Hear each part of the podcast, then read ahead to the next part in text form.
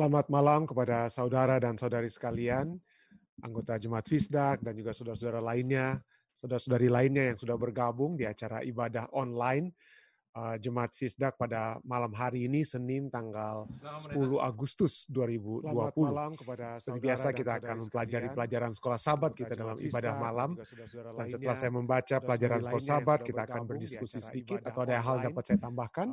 Dan kemudian ada pertanyaan dan kemudian kita akan berdoa bersama. Baiklah untuk memulaikan acara ibadah kita, saya ingin mengundang Saudara Ketua Jemaat Fisdak, Rituan Lingga untuk dapat memimpin di dalam doa. Silakan, Rituan. Kita bersatu dalam doa.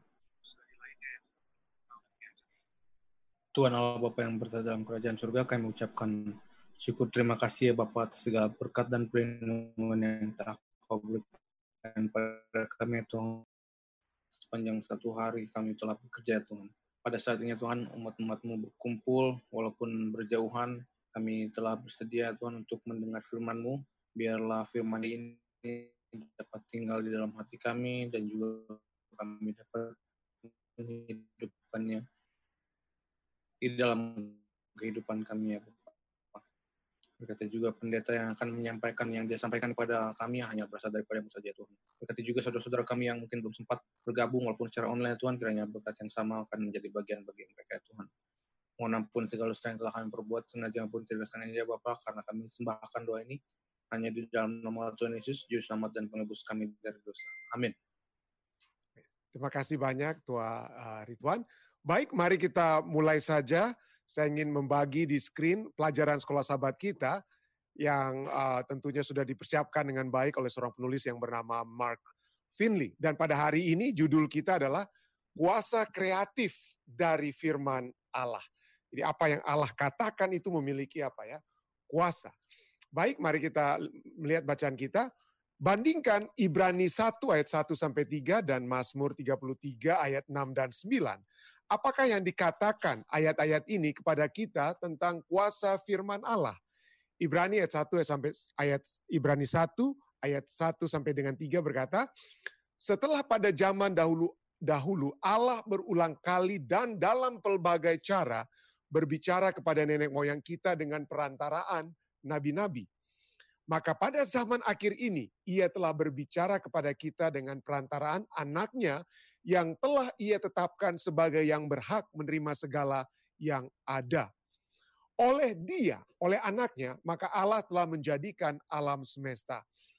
Ia adalah cahaya kemuliaan Allah dan gambar wujud Allah dan menopang segala yang ada dengan firman-Nya yang penuh kekuasaan. Dan setelah ia selesai mengadakan penyucian dosa, ia duduk di sebelah kanan yang maha besar di tempat yang tinggi. Ibrani 1 ayat 1 sampai 3. Mazmur 33 ayat 6 dan ayat yang 9 berkata, oleh firman Tuhan langit telah dijadikan, oleh nafas dari mulutnya segala tentaranya. Ya. Dengan firman dan dengan nafas segala sesuatu dapat terjadi. ya. Mazmur 33 9 katakan, Sebab dia berfirman, maka semuanya jadi. Dia memberi perintah, maka semuanya ada. Firman Allah adalah firman yang hidup. Firman itu membawa serta kekuatan untuk mencapai hal-hal yang dinyatakan di dalam firman tersebut. Kata-kata manusia, kata-kata kita sebagai manusia, kita dapat berbicara tentang apa yang ada sekarang di depan kita. Tetapi Allah berbicara tentang hal-hal bahkan yang belum dilakukan dan kemudian Allah menciptakannya dengan kuasa firman-Nya. Firman Allah adalah firman yang kreatif. Firman yang dapat didengar, yang keluar dari mulutnya, memiliki kuasa untuk menciptakan segala sesuatu yang diberitakannya. Dalam kisah penciptaan yang tertulis dalam kejadian satu, ungkapan kata berfirmanlah Allah itu digunakan berulang kali. Anda bisa lihat itu dalam kejadian satu ayatnya yang ketiga, 6, 11, 14, 20, 24, 26 sampai dengan dan 29 berbicara tentang berfirmanlah Allah, berfirmanlah Allah.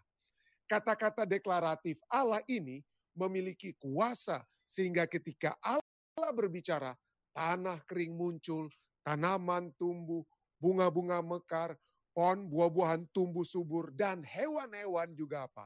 muncul ada satu kata Ibrani, satu kata Ibrani, yaitu kata perjanjian lama asli buku Alkitab perjanjian lama tulis dalam bahasa Ibrani. Ada satu kata Ibrani yang menarik yang digunakan dalam kejadian satu untuk tindakan kreatif Allah. Kata itu adalah kata bara. Dalam bentuk yang khusus, kata itu digunakan sebagai tindakan Allah untuk menciptakan sesuatu dari yang tidak ada. Menciptakan sesuatu dari ketiadaan kata kerjanya atau siapa yang melakukan itu hanya digunakan ketika Allah adalah subjeknya, Allah yang berbicara. Ya. Jadi hanya Allah sajalah yang dapat bara atau menciptakan. Dan ia melakukan kuasa firmannya dan ia melakukannya melalui kuasa firman yang diucapkannya. Firman yang diucapkannya. Ya. Allah tidak hanya menciptakan dunia ini melalui kuasa firman-Nya di waktu yang lalu, tetapi ia juga masih dan akan terus menopang dan menjaganya melalui firman-Nya. Kuasa yang sama yang ada dalam firman Allah yang diucapkannya pada waktu dahulu, pada saat ia menciptakan alam semesta. Kuasa yang sama dalam kejadian satu, ada dalam firman-Nya yang tertulis. Kuasa yang sama dalam saat Allah menciptakan alam semesta itu ada saat ini di dalam firman-Nya yang tertulis. Roh Kudus yang sama yang aktif dalam penciptaan juga aktif dalam mengilhami kitab suci. Dia hadir, Roh Kudus hadir ketika saudara dan saya membaca Alkitab atau membagikannya kepada orang lain. Ada kuasa yang memberi kehidupan, yang mengubah hidup dan kreatif dari firman Allah. Ellen White dalam seri Membina Keluarga jilid 3 halaman 112 katakan, tenaga kreatif yang mencipta dunia sehingga terwujud ada dalam firman Allah. Firman itu memberi kuasa, melahirkan kehidupan. Setiap perintah adalah sebuah janji yang jika diterima oleh kemauan, yang diterima ke dalam jiwa, akan membawa sertanya kehidupan yang maha kuasa. Itu atau firman itu mengubah sifat mengubah sifat dan menciptakan kembali jiwa kita yang mungkin berdosa, menciptakan kembali jiwa dalam citra Allah. Ketika kita secara pribadi memahami janji-janji yang ditemukan dalam firman Allah, hidup kita diubahkan. Dan ketika kita membantu orang lain untuk memahami janji-janji yang menakjubkan ini, yang ada dalam firman-Nya, maka Roh Kudus akan mengubah mengubah hidup mereka juga. Pertanyaan yang terakhir bagi kita adalah, bayangkan, kata berfirmanlah Allah dan jadilah demikian yang tertulis dalam kejadian satu. Bagaimana kita bisa bagaimana kita bisa memahami apa artinya ini? Apakah yang dikatakan realitas luar biasa ini tentang kuasanya? Mengapakah kebenaran tentang kuasa kreatif Allah itu dapat menghibur kita?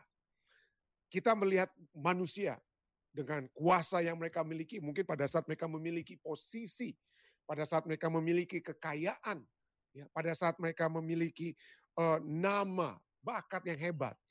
Tetapi tidak ada yang dapat setara dengan Allah. Yang dalam menciptakan, dia menciptakan dari sesuatu yang tidak ada menjadi apa? Menjadi ada. Manusia-manusia yang kaya mungkin menciptakan uang dari uang yang sudah ada, dari uang orang tuanya atau hal-hal lainnya lah yang dapat sudah ada sebelumnya. Tidak ada kita pengkhotbah katakan tidak ada yang baru di bawah dunia ini. Tetapi Allah menciptakan dari sesuatu yang baru. Dan penulis Alkitab tidak mempertanyakan siapa Allah itu. Mereka sudah mengetahui karena mereka sudah melihat secara langsung. Ya, penulis-penulis Alkitab itu melihat secara langsung kebesaran kemuliaan Tuhan tersebut. Dan kita dapat melihat itu dari apa juga firmannya. Mari kita lihat ya. Mari kita bandingkan. Ibrani 1 ayat 1, Yohanes 1 ayat 1, dan kejadian 1 ayat 1. Semuanya pasal yang pertama dan ayat yang pertama. Ibrani 1 ayat 1 katakan, yang kita sudah tadi baca sebagian ya. Setelah pada zaman dahulu, pada zaman dahulu Allah, jadi Allah sudah ada sejak apa ya? Zaman dahulu dia dalam berulang kali, dalam berbagai cara, ia berbicara kepada nenek moyang kita dengan perantara nabi-nabi. Tapi yang ayat 2 dan 3 katakan, sekarang dia berbicara melalui siapa? Yesus Kristus, anaknya yang telah menciptakan alam semesta. Jadi, zaman dahulu Allah. Mereka tidak lagi, penulis Ibrani tidak lagi menyatakan, oh Allah ini begini-begini. No, sudah Allah itu exist. Allah itu sudah ada. Yohanes 1 ayat 1 katakan, pada mulanya adalah firman. Jadi pada mulanya adalah apa? Firman. Allah ada, Yesus Kristus. Firman itu adalah the living word adalah Yesus Kristus yang telah kita lihat tentang the living word itu dari the written word atau Alkitab. Jadi pada mulanya adalah firman. Firman itu bersama-sama dengan Allah dan firman itu adalah Allah. Jadi penulis-penulis ini katakan Allah sudah ada. Ya, kejadian 1 ayat 1 katakan apa lagi? Pada mulanya Allah menciptakan langit dan apa ya? Langit dan bumi. Allah lah yang menciptakan. Dan kuasa penciptaan itu dia menciptakan dari sesuatu dari ketiadaan bara. Dari sesuatu yang tidak ada menjadi apa? Menjadi ada. Yang manusia lakukan dari waktu ke waktu dengan teknologi yang kita miliki, mungkin kita memperbaiki sesuatu dari bahan-bahan komponen yang sudah ada. Tetapi tidak bisa saya berkata, saya menciptakan sesuatu hal tanpa apa? Berasal dari apa? Komponen sebelumnya. Dari komponen-komponen sebelumnya. Ya, sebelum kita memiliki Netflix dulu ada zaman kami dulu mungkin ya ada beta, lalu sesudah beta itu kayak film apa untuk menonton film itu ya. beta, lalu apa VHS, lalu CD, lalu sekarang kita live stream. Tapi segala sesuatu itu dari teknologi yang dikembangkan dari sebelum. Tapi Allah menciptakan sesuatu dari apa? Ketiadaan. Dan hal yang dapat Allah ciptakan juga adalah satu kehidupan baru. Jadi firman Allah ini bukan hanya berbicara tentang alam semesta yang Allah ciptakan dari sesuatu yang tidak ada. Tetapi juga dari kematian kerohanian kita, Allah dapat menjadikan satu kehidupan kerohanian yang terjadi bagi kita. Mazmur 51, kata bara yang digunakan di dalam kejadian 1 ayat 1. Ya Allah menciptakan ya. Pada mulanya Allah menciptakan. Itu juga muncul di Mazmur 51 ayat 12 sampai dengan 14 pada saat Raja Daud berbicara di dalam ayat-ayat ini. Mazmur 51 ayat 12 sampai 14 katakan, "Jadikanlah bara hatiku tahir ya Tuhan. Ciptakanlah ya. karena hatinya sebelumnya itu sudah apa? Sudah hancur, sudah busuk, sudah keras, sudah membatu. Raja Daud ingin memiliki satu hati yang baru, satu hati yang dicangkok, bukan dari manusia yang punya penyakit yang lainnya, tapi hati yang baru yang hanya Allah dapat apa? Berikan. Jadikanlah hatiku tahir, ya Allah, dengan perbah dan perbaharurilah batinku dengan rohmu, dengan roh yang teguh. Janganlah membuang aku dari hadapanmu, dan janganlah mengambil rohmu yang kudus daripadaku. Rasul Raja Daud mengetahui bahwa Roh Kudus itu yang berbisik tentang keberdosaannya. Dan kita lihat berdosa apa kalau Anda lihat dari Mazmur Fatsal 51 ya. Dia mengetahui ada roh Allah yang berbisik yang menyatakan bahwa dia telah melakukan apa? Kesalahan. Dan dia tidak ingin roh itu apa? Pergi. Janganlah mengambil rohmu yang kudus daripada aku. 14, penting sekali ini. Bangkitkanlah kembali padaku kegirangan. Saya tidak tulis warna merah kegirangan. Tapi mari kita ingat-ingat, bangkitkanlah Rasul Raja Daud katakan, bangkitkanlah kepa, kembali padaku. Jadi dia sudah merasakan kegirangan. Ya, pada saat dia bersama-sama dengan Tuhan di padang, pada saat dia apa? Memainkan kecapi dan menyanyikan lagu-lagu. Dan dia berkata, Tuhan adalah gembalaku, tidak akan kekurangan aku. Sekalipun aku berjalan di lembah kekelaman, tidak dia takut. Dia merindukan keadaan kembali saat dia bersama-sama dengan Tuhan. Dan inilah dia katakan, bangkitkanlah kembali padaku kegirangan karena selamat yang daripadamu. Walaupun aku berada di lembah kekelaman, engkau besertaku. Itu yang waktu dia masih muda, waktu dia masih umur 17 tahun, sekarang dia sudah hampir 4, 40 atau 50-an tahun ya. Tapi dia katakan apa? Dia ingin memiliki kegirangan tersebut. Kehidupan bersama-sama dengan Allah. Bangkitkanlah kembali padaku kegirangan karena selamat yang daripadamu. Dan lengkapilah aku dengan roh yang rela. Kata-kata ini dia ucapkan. Mari kita baca, saya tidak tulis di sini. ya Untuk Mazmur 51 dimulaikan dengan ini, ayat-ayat ini. Untuk memimpin biduan Mazmur dari Daud ketika Nabi datang, Nabi Nathan datang kepadanya setelah ia menghampiri Bathsheba. Tuhan berfirman kepada Raja Daud tentang dosanya melalui Nabi Nathan, melalui perumpamaan Nabi Nathan. Dan gantinya ia membunuh sang Nabi yang menegur, yang menemplak dia. Dia bertobat ya. Dia ingin Tuhan kembali kepadanya. Kita tahu kisahnya ya. Di 2 Samuel 11 ayat 1 sampai 3 pada pergantian tahun biasanya raja-raja maju berperang. Raja Daud menyuruh panglimanya Yoab maju bersama-sama dengan orang Israel untuk memusnahkan Bani Amon dan mengepung kota Raba. Tapi ayat ini katakan apa? Sedang Daud sendirian tinggal di Yerusalem. Nggak bikin apa-apa raja-raja. Dari tahun ke tahun raja-raja itu biasanya berperang. Di waktu apa? Musim apa? Musim semi pergantian tahun. Kenapa? Karena itulah waktu yang paling enak untuk berperang. Tapi Raja Daud saat itu, ah, udah, udah kalian aja lah kalian saja lah berapa. Ayat 2. Pada waktu petang ketika Daud bangun dari tempat pembaringannya. Jadi dia sudah mungkin begadang semalaman ya. Petang baru dia bangun. Berjalan-jalanlah di atas sotoh istana. Istana raja-raja itu adalah di kota Yerusalem. Kalau Anda pergi ke Yerusalem, istana Daud itu adalah yang paling tinggi ya. Eh, sejajar lah saat ini dengan apa ya? Dengan eh, bekas uh, Kaabah di Yerusalem. Tapi istana raja itu di atas, jadi dia paling tinggi.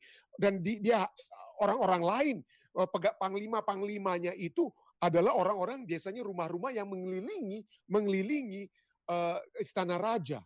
Dan Daud berada di atas dan kalau Anda lihat di perumahan-perumahan dulu ya tidak ada tidak ada atap-atap seperti kita. Ada soto-soto rumah itu biasa tempat untuk apa? menjemur dan juga tempat untuk mandi siang. Kenapa? Supaya air yang mereka simpan sepanjang sore itu sudah hangat ya, sudah hangat dan biasa dipakai untuk mandi di atas soto rumah. Jadi Daud bangun dari pembaringannya lalu berjalan-jalan di atas soto atau di atas soto istana. Tampak kepadanya dari atas soto itu seorang perempuan sedang mandi. Perempuan itu sangat elok rupanya.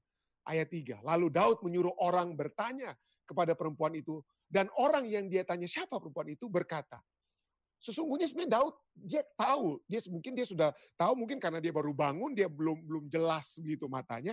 Lalu orang itu kemudian berkata, itu adalah Batsheba binti anak perempuan daripada Eliam, istri Uria orang Het itu. Sesungguhnya orang yang memberitahukan kepada Raja Daud mungkin sudah tahu ini nih raja ini lagi nakal ini. Dia jelas dengan secara jelas dia membuat laporan yang sangat lengkap yaitu Batsheba anak daripada Eliam istri Uria orang Het itu.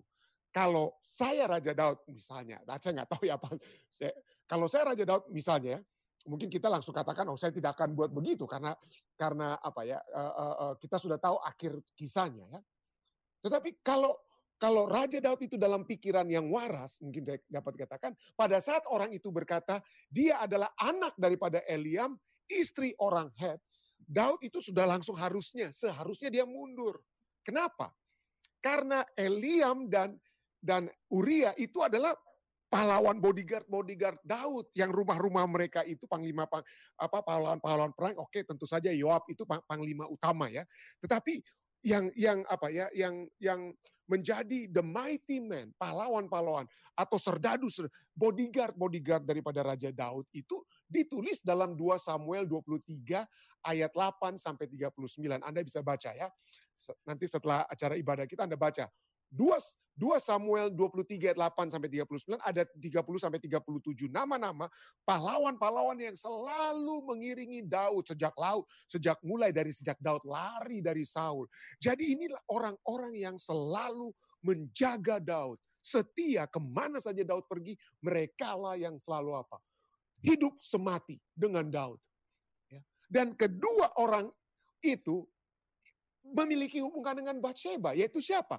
Eliam. Eliam itu adalah, adalah anak Ahitofel, orang Gilo. Eliam itu 2 Samuel 23, 34, salah seorang pangli, pahlawan Daud, adalah ayah daripada Bathsheba. Dan 2 Samuel 23, 39 berbicara tentang Uria, orang Het, yang adalah suami daripada Bathsheba.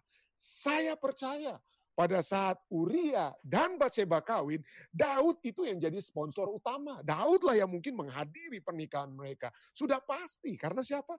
Uria karena Eliam. Inilah yang apa ya? Yang telah menyertai Daud dari waktu ke waktu. Tetapi inilah dosa yang begitu hebat yang Daud ya. Jadi pada saat dia berdosa, Tapi kemudian ditegur oleh Nabi Nathan. Firman Tuhan datang melalui Nabi Nathan. Firman Tuhan itu merubah Daud. Ya. Firman Tuhan itu merubah Daud. Dia melihat kebobrokan hatinya. Atau dia melihat hatinya yang membusuk atau yang mengeras. Dan kemudian dia katakan dalam ayat-ayat yang seperti kita sudah baca. Jadikanlah hatiku tahir, ya Allah. Dan perbaharulah batinku dengan roh yang teguh. Janganlah membuang aku dari hadapanmu. Dan janganlah mengambil rohmu yang kudus daripadaku. Bangkitkanlah kembali padaku kegirangan karena selamat yang daripadamu. Dan Raja Daud menyadari bahwa hidup dalam dosa tidak membawakan kegirangan. Hidup dalam dosa membuat kita takut-takut, membuat kita tidak tenang. Sembunyi-sembunyi, jangan sampai dosa kita diketahui oleh suami, istri, anak, dan lain sebagainya. Hidup dalam dosa itu tidak membawakan kegirangan. Bangkitkanlah kembali kepadaku kegirangan karena selamat yang datang daripadamu. Dan lengkapilah aku dengan roh yang rela. Rela untuk apa? Rela untuk selalu mendengarkan firman Tuhan. Rela untuk selalu menuruti firman Tuhan. Karena firman Tuhan itulah yang merubah kehidupan. Firman Tuhan itu memiliki kuasa kreatif yang besar dan sejak saat ini sebelum sebelum uh, dosanya dengan Bathsheba, Daud itu ya uh, nakal, banyak istrinya. Tetapi setelah dengan Bathsheba tidak pernah lagi dia apa ya, istilahnya main-main. Di akhir hidupnya, pada saat orang-orang melihat mungkin Daud ini sudah perlu ditemani oleh seorang anak darah, mereka menawarkan seorang anak darah untuk untuk menjadi uh, peneman, menemani Daud, tapi Daud tolak. Ya, dia sudah tahu bahwa kehidupan yang sejati itu adalah kehidupan yang menurut kepada kehendak Tuhan. Dan itulah kegirangan yang sejati. Sejak firman Tuhan itu masuk ke dalam dirinya melalui Nabi Nathan, Daud telah berubah dan Alkitab mencatat dia telah menjadi seorang yang betul-betul dekat di hati Tuhan. Sekali lagi terima kasih saudara-saudari sekalian yang sudah bergabung di acara ibadah online Jemaat Fisdak. Tuhan menyertai Anda. Selamat malam waktu uh, Amerika, selamat pagi waktu Indonesia. Stay safe, stay healthy. Sekali lagi Tuhan menyertai kita semua.